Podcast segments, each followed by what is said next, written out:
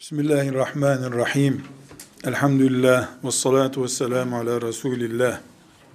Aziz kardeşlerim, dünyada yaşıyoruz. Dünyanın bütününe talibiz. Ekonomisinden, ziraatinden, siyasetinden, turizminden, dünyada ne varsa hepsine talibiz. İnsanoğlu teknolojiyi geliştirdiği gibi pek çok zor alanı kolaylaştıran icatlar ürettiği gibi aziz kardeşlerim branşlaşmayı da üretti insanoğlu. 50 sene önce doktor denen insan göz ameliyatı da yapıyordu, kırık çıkığa da bakıyordu, otlardan şifalı ilaçlar da yapıyordu. Aynı doktor 30 branş oldu şimdi. Eskiden kaymakamlar her işi yapıyordu. 30 branş var kaymakamlıkta şimdi. Branşlaşılan bir dünyaya geldik. Turizm bile din turizmi, ticari turizm diye ayrıldı. Zengin turizmi, fakir turizmi diye bile ayrıldı. Her şey branşlaşıyor. Bu branşlaşan dünyada iş adamları derneğinin şu levhadaki adalet, ahlak ve benzeri kavramlarla bağlantısı branşları ile ilgili olmalı. Aksi takdirde bu toplantı iki saat önce kıldığımız cuma namazındaki vaaza dönüşür. Mesleği uzmanlığı gerektiren insanların ilgisi uzmanlık dışında olduğunda amatörce kalmaya mahkum olurlar.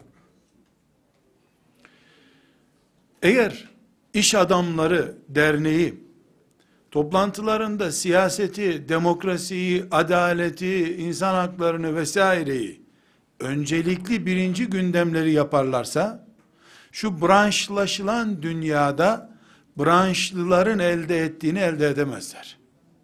Ama hep gündemleri ciddi büyük işlerle dolu olur. Bu sebeple aziz kardeşlerim, İş Adamları Derneği'nde teklifim var. İş adamını birinci, ikinci, 99. 100. her derecede ilgilendiren başlıklarla toplantı yapılsın. Bu toplantılar birinci dereceden profesyonelce uzmanlık alanlarımızdaki başarılarımız ve sıkıntılarımız üzerinden yürütülsün. Evet, filanca iş adamları derneği şu kadar senedir Türkiye'nin siyasetine yön veriyor. Ama tabelası iş adamları derneği kendileri ne derneği olduğunu hepimiz biliyoruz. Adam filanca fabrikanın sahibi gibi görünüyorsa da Türkiye'den Türkiye toprağından hissesine düşen şu kadarın sahibi gibi o toplantıya katılıyor. İsmiyle müsemması arasında ilgi yok adamların. Parti kurmaya tenezzül etmedikleri için iş adamları derneği kurmuşlar da Türkiye'yi yönetiyorlar. Parti halkça bir şey gördükleri için parti kurmuyor adamlar. Biz profesyonelce uzmanlaşan dünyada uzmanca iş yapmak zorundayız. Bunun için değerli kardeşlerim, uzmanca iş yaparken yüzde yüz sizin masalarınızda birinci derecede gündeminiz olması gereken iki teklifim var. Bu iki teklif sizin Müslümanlığınızla ilgili, sizin iş adamlığınızla ilgilidir. Müstakildeki M'nin ne anlama geldiğini üstadımız açmadı açacak olsak gibi bir işarette bulundu. Tamam. Onu hangi türlü açarsak açalım. M harfinin açılımında iki kelime muhakkak profesyonel gündemimizde olması lazım. Bir dahaki toplantımız başladığında o toplantımızda bizim bu iki kavramda geldiğimiz noktayı konuşalım Topraklarımızın geldiği noktada odur zaten. Çünkü sizler iş adamlarısınız. adaletten, ahlaktan, siyasetten konuşursunuz. İmam efendiler de müftülükte toplantıklarında Türkiye'nin sanayisini konuşuyorlar. Çünkü imamlardan birisi geçen gün ceket almaya gittiğinde konfeksiyonun Rusya'ya ihracat yapamadığı için şöyle olduğundan böyle olduğundan konuşuyordur.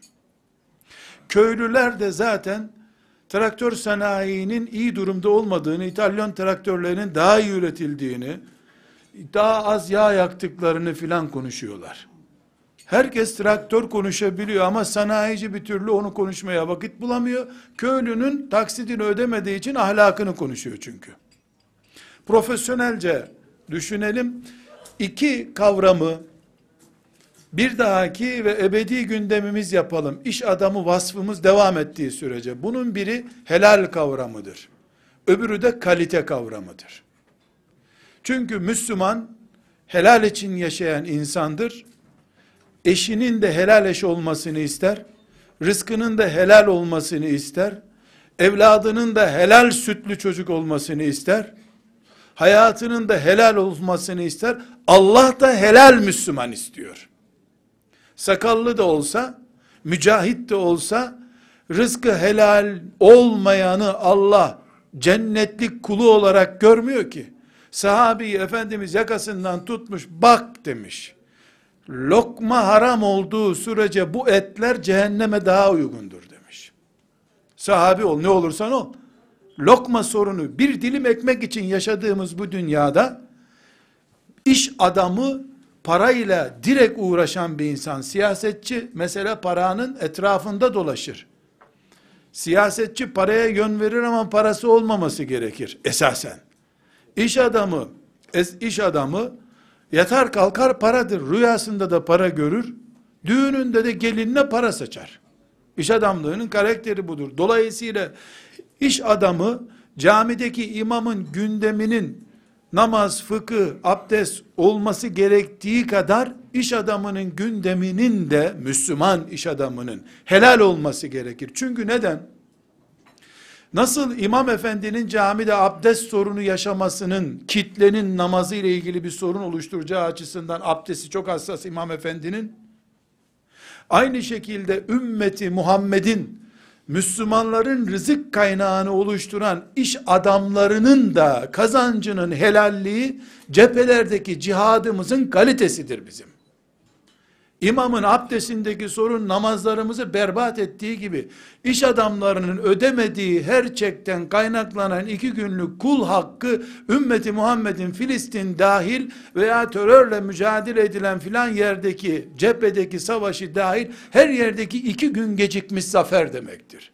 İş adamlarının beslediği çocuklar, beslediği vakıflar, beslediği işçileri, çalışanları, destekledikleri siyasetçiler kanalıyla destekledikleri halk kitleleri haramla beslendiği sürece ümmeti Muhammed'in Kabe'de dua ederek veyahut da cephelerde cihat duası yaparak zafer kazanması mümkün değil. Çünkü sevgili peygamberim ne buyuruyor? Rızkında haram olundu, bulunduğu sürece amin deseniz ne olacak? Kim size cevap verecek buyuruyor. Kim cevap verecek? Çünkü Allah haramla gıdalanmış bir vücudun ağzındaki duaya amin dedirtmiyor meleklerine. Dolayısıyla iş adamı kardeşlerim, Müslümanız ortak paydamız bu. Türkiye topraklarının Müslümanlarıyız, o da ortak paydamız. Ama siz paranın menbaısınız. Çocuklarınız, aileniz, desteklediğiniz vakıflarınız, bu topraklar, hatta yardım gönderdiğiniz Afrika'daki Müslümanlar, yardım gönderdiğiniz Filistin'deki Müslümanlar, sizin menbaınızın kiri veya saflığı, berraklığı kadar Allah'tan yardım göreceklerdir. Çünkü Allah, zaferini, ihsanını, nimetlerini yeryüzünden temizlemek için din gönderdiği haramlarla bulaşmışlara da vermez, onların desteklediğine de vermez. Alkolik imam kabul etmediği gibi Allah Peygamber aleyhisselamın mihrabında cihat kavramını kullanacak iş dünyası, siyaset dünyası, aile ortamı ne varsa idrakimizde bizim bunların herhangi birinde haram bulunduğu sürece de Allah'ın nazarı yoktur orada. Burada bir örnek vereceğim kardeşlerim. Sizden de istirhamım. Akşam evlerinize döndüğünüzde bir Kur'an-ı Kerim mealinden bu örneğimi incelemenizdir istirham ediyorum. Bu bahsettiğim sözleri filan ansiklopedide bulamıyor olabilirsiniz. Filan Ömer Nasuhi Bilmen rahmetullahi aleyhin ilmi halinde de bulamıyor olabilirsiniz. Çünkü Ömer Nasuhi Bilmen ilmi hal yazdığı zaman Müslümanların sanayi, iş adamı diye bir şey yoktu. İstanbul'da işçi bile olamıyorlardı o zamanlar. Şimdi Müslümanlar para sahibi oldu. Ömer Nasuhi Bilmen o Müslümanları görse tanıyamayacak ayrı bir sorun. Dolayısıyla bir ilmi halde göremedik olabilir bunları. Ama Kur'an'ımızda görüyoruz. Müzzemmil suresi. Kur'an-ı Kerim'in ilk inen surelerindendir. 20. ayeti. Lütfen dikkat ediniz kardeşlerim. İş adamını Allah nereye oturtuyor? Bunu anlatmaya çalışıyorum. Müslümanların henüz aile çapında İslam yaşayabildikleri dönem. Siyasete hükmedemedikleri Darül Erkam'a sığındıkları dönem. Müslümanların nefes alamadığı global dünyanın, o günkü global dünyanın, Mekke'siyle, Taif'iyle, Pers'iyle, Roma'sıyla global dünyanın Kabe'nin dibinde Resulullah sallallahu aleyhi ve sellemi boğmaya çalıştıkları günün ayetleri bunlar. Ümmeti Muhammed'in ilk inen ayetleri ve Kur'an neslini yetiştiriyor Allah.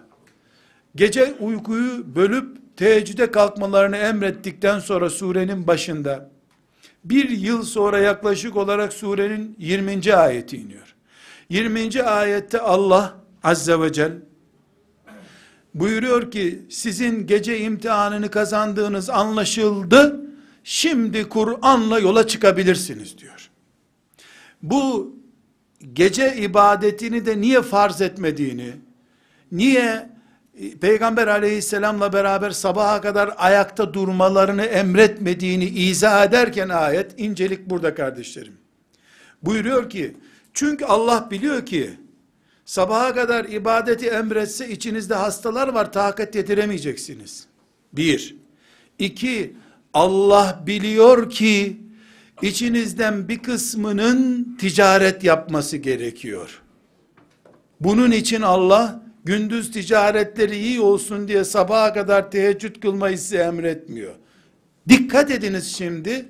Üçüncü şey Allah biliyor ki cihada çıkacak mücahitleriniz var. Onlar gece dinlenmeleri lazım. Onun için emretmedik size diyor. Müzzemmil suresinin 20. ayeti.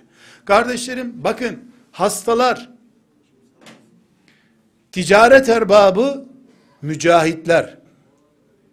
Kaçıncı sırada tüccar, kaçıncı sırada Bedir mücahitleri? Buyurun, iş adamları derneğine yer bulun şimdi bu toplumda. Allah biliyor ki hastalarınız olacak. Tüccar ticaret yapmaya çalışacak ve mücahitleriniz olacak. Onun için size gece zorluk çıkarmadık diyor. Filistin'deki cihad eden kardeşlerimiz veya Avrupa'da, Amerika'da, Brezilya'da, Orta Asya'da Allah'ın dinini yaymaya çalışan davetçiler, tüccarın, sanayicinin, iş adamının parasının helal olması kaydıyla yapılacak desteklerle Allah'tan yardım görecekleri bir süreci çalıştırırlar. Mücahidin kılıcından daha değerli bu ayetin verdiği ifadeye göre daha değerlisi iş adamının parasıdır. Bunun için sevgili peygamberimiz sallallahu aleyhi ve sellem sözüne güvenilir tüccarı peygamberlerle, salihlerle, sıddıklarla diriltecek Allah buyuruyor.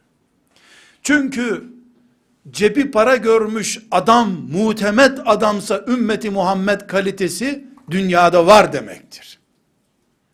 Para görenlerin kendilerini harama, yalana ve diğer bozukluklara müsait duruma getirmeleri halinde devletin başında Ömer bin Hattab'ın varlığının kıymeti yoktur artık. Sembolik Ömer olur, toplumun içi Ömer olmaz o zaman. Halbuki Allah başında da Ömer bin Hattab olsun istiyor, toplum da Ömerleşsin istiyor. Biz siyasetçilerimizin veya hoca efendilerin Ömer bin Hattab yüreği taşımasını isterken kendimizi hala çek sorunu yaşayan, işçi hakkını yok kabul eden, idrakin sahibi olarak tutarsak, e camilerin minareleri de her köyde var ama İslam devleti değiliz. Ömer bin Hattab anlayışı da o zaman köyün içki içilen meyhanelerinin 20 metre ötesindeki bir minare gibi kalır. Siyasetçi ahlaklı olsun, hoca cesur olsun, Filistinli cihad etsin, ben Çin'e mal ithal etmeye gittiğimde hürüm. Bu yok. Gittiğimiz her yere Allah'la gidebildiğimiz zaman Müslümanız ve helal anlayışımız bizim cihat anlayışımızdır. İş adamları cihadın da aslıdırlar. Çünkü cihat da parayla yapılıyor. İlim de parayla yapılıyor. Aile de parayla kuruluyor. Hayat paradır. Allah'ın kanunu budur. Para üzerine her şey kurulmuştur. Para için canlar veriliyor. Para için can feda ediliyor. Para uğruna ülkeler alınıyor, ülkeler satılıyor. Bu para da iş adamlarının elinde. Batıl düzenlerde de, şeriat düzeninde de paranın sahibi iş adamıdır. Çiftçinin tarlası vardır, parası yoktur. Ekmek üretir, ürettiği ekmeği kendi de yiyemez parası yoksa. Bu nedenle Allah hastalar ve ticaret erbabı ve mücahitler diye Kur'an-ı Kerim'de sıralama yapmış. Hepimizin susması, bütün hocaların susması, yazar çizerlerin bir şey yazmaması gerekir. Bu ayeti anlasak biz tüccarın kim olduğunu da anlamış oluruz. Çünkü o zaman Ebu Bekir'in malıyla radıyallahu anh nasıl İslam devleti kuruyor peygamber onu da anlamış olduk demektir. Ne diyor Ebu Bekir için Efendimiz sallallahu aleyhi ve sellem? Ebu Bekir'i bırakın diyor. Bugünlere onun bereketli paralarıyla geldim diyor. Dikkat ediniz. Mekke fethedilmiş, İslam devleti kurmuş. Tamam mı? Önünde şu dağı altın olarak eritelim mi ya Muhammed diye soru sorulmuş kendisine zamanında. Ebu Bekir'in verdiği sadakalarla bugüne geldim diyor. Çünkü Ebu Bekir bereketli adam. Alnının teriyle tam Allah için harcama yapan adam. Bu sebeple kardeşlerim bütün gündemler ikinci gündemdir. İş adamları için. Helal ve kalite birinci gündemdir. Kardeşlerim biz mümin toplum olarak bir yerde branşlaştıysak o branşımızın hakkını vermeye mecburuz dedim. O sizde helal kelimesidir. Bütün ümmette bulunduğu branşta kalite kelimesi ikinci kelimedir. Çürük mal üretemez mümin. Çürük mal üretemez. Mümin ikinci cins mal üretemez. Ucuz da üretse, pahalı da üretse mümin insanoğlunun gelebildiği noktada son noktada durur. Kalite çünkü Peygamber Efendimiz Allah'ın halifesi olarak dünyada duran, Allah'ın şeriatını temsil eden, bir müminde camide imam olduğu zaman sarığının ağırlığını istiyor. Resulullah'ın vekilisin diyor aleyhissalatü vesselam. Sanayide, ticarette, memurlukta bir yerde bulunduğu zaman da peygambere iman etmenin kalitesini istiyor. İtkan diyor. Allah yaptığınız işi en iyi yapmanızı ister buyuruyor. Çünkü Müslümanlık bir vasıftır. O vasıf ticarette ikinci dereceye düşürülemez. Namazda biz Hristiyanların ve Yahudilerin namazının altına düşemediğimiz gibi, Peygamberimiz onların peygamberinin altında bir peygamber olmadığı gibi sanayimizde, ticaretimizde, çoluk çocuklu ailemizde ikinci sınıf olamaz. İkinci sınıflığı kabul edemeyiz. Ulaşamayabiliriz. Ama bir gaye ile yatar kalkar uyuruz. O da teknolojiden, yönetimden, üretimden, neyse benim ilgi alanım, her noktada en iyi olma mücadelesi yapmayı kulluk kabul ederim. Şimdi kardeşlerim, Allah için cihad etmek, Kur'an nesli oluşturmaktan bahseden Müzzemmil suresinin 20. ayeti inşallah bunu inceleyeceksiniz. Sureyi baştan sona okuyunuz çok daha iyi anlayacaksınız. Bu ayetten ve peygamberimin sözüne güvenilen tüccar, salihlerle, sıddıklarla haşrolacak sözünden yola çıktığımda, siz iş adamları olarak ibadetle meşgulsünüz desem abartmış olur muyum? Yaptığınız ibadettir desem size hak etmediğiniz bir vasfı mı vermiş olurum? Siz namaz kılarken abdest alıyor olabilirsiniz ama orucu hep abdestle geçirmiyorsunuz. Demek ki o abdestsiz de ibadet yapılabiliyor, oruç yapılıyor işte. Sizin elinize siz bakıyorsunuz. Sizin elinize eşiniz bakıyor. Sizin elinize çocuklarınız bakıyor. Sizin elinize yetim bakıyor. Sizin elinize mücahitler bakıyor. Sizin elinize vakıflar bakıyor. Sizin elinize koca koca siyasi partiler bakıyor. Sizin elinize dünyanın dört bir bucağındaki bütün mazlum mustasaflar bakıyor.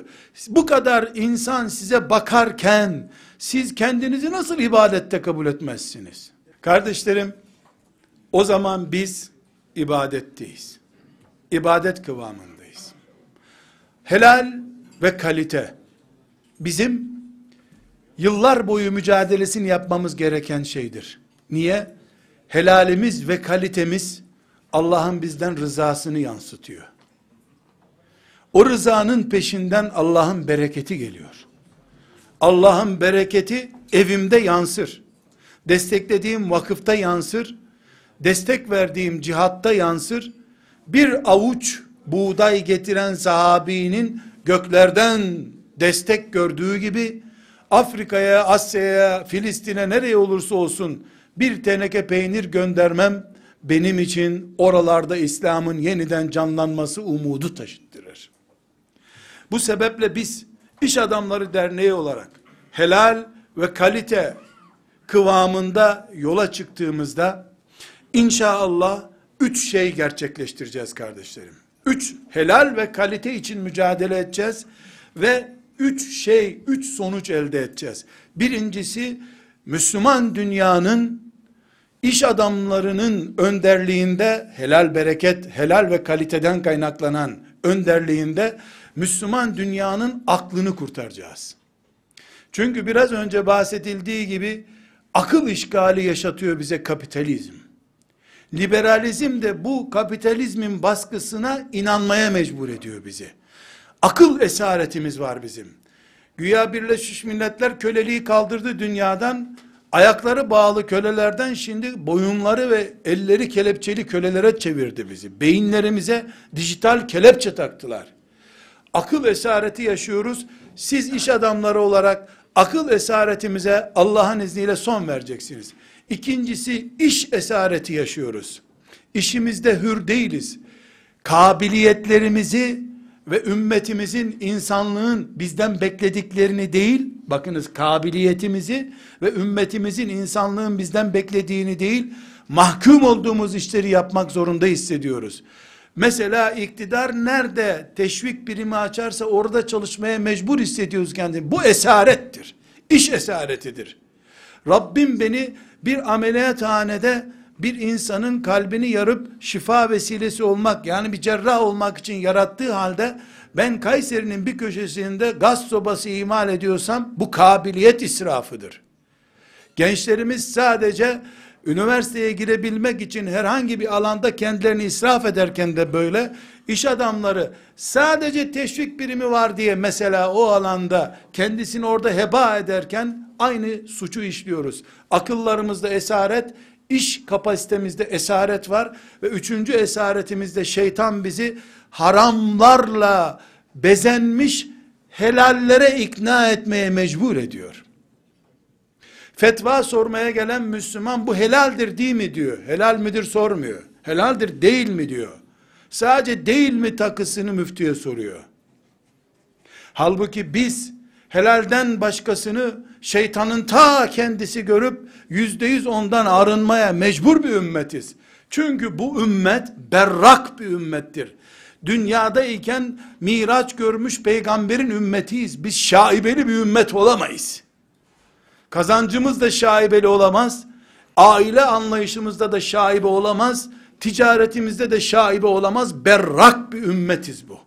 Bu berraklığımızın simgesi de Allah'ın izniyle hayatın dizginini oluşturan paraya hükmeden iş adamlarımızdır. Bizim iş adamlarımız 500 tane fabrika sahibi olmayabilirler ama 5 kişi çalıştıran bir atölye ile kainata hükmederler. Ashab-ı kiram kuruşları olmadan kainata hükmettiler.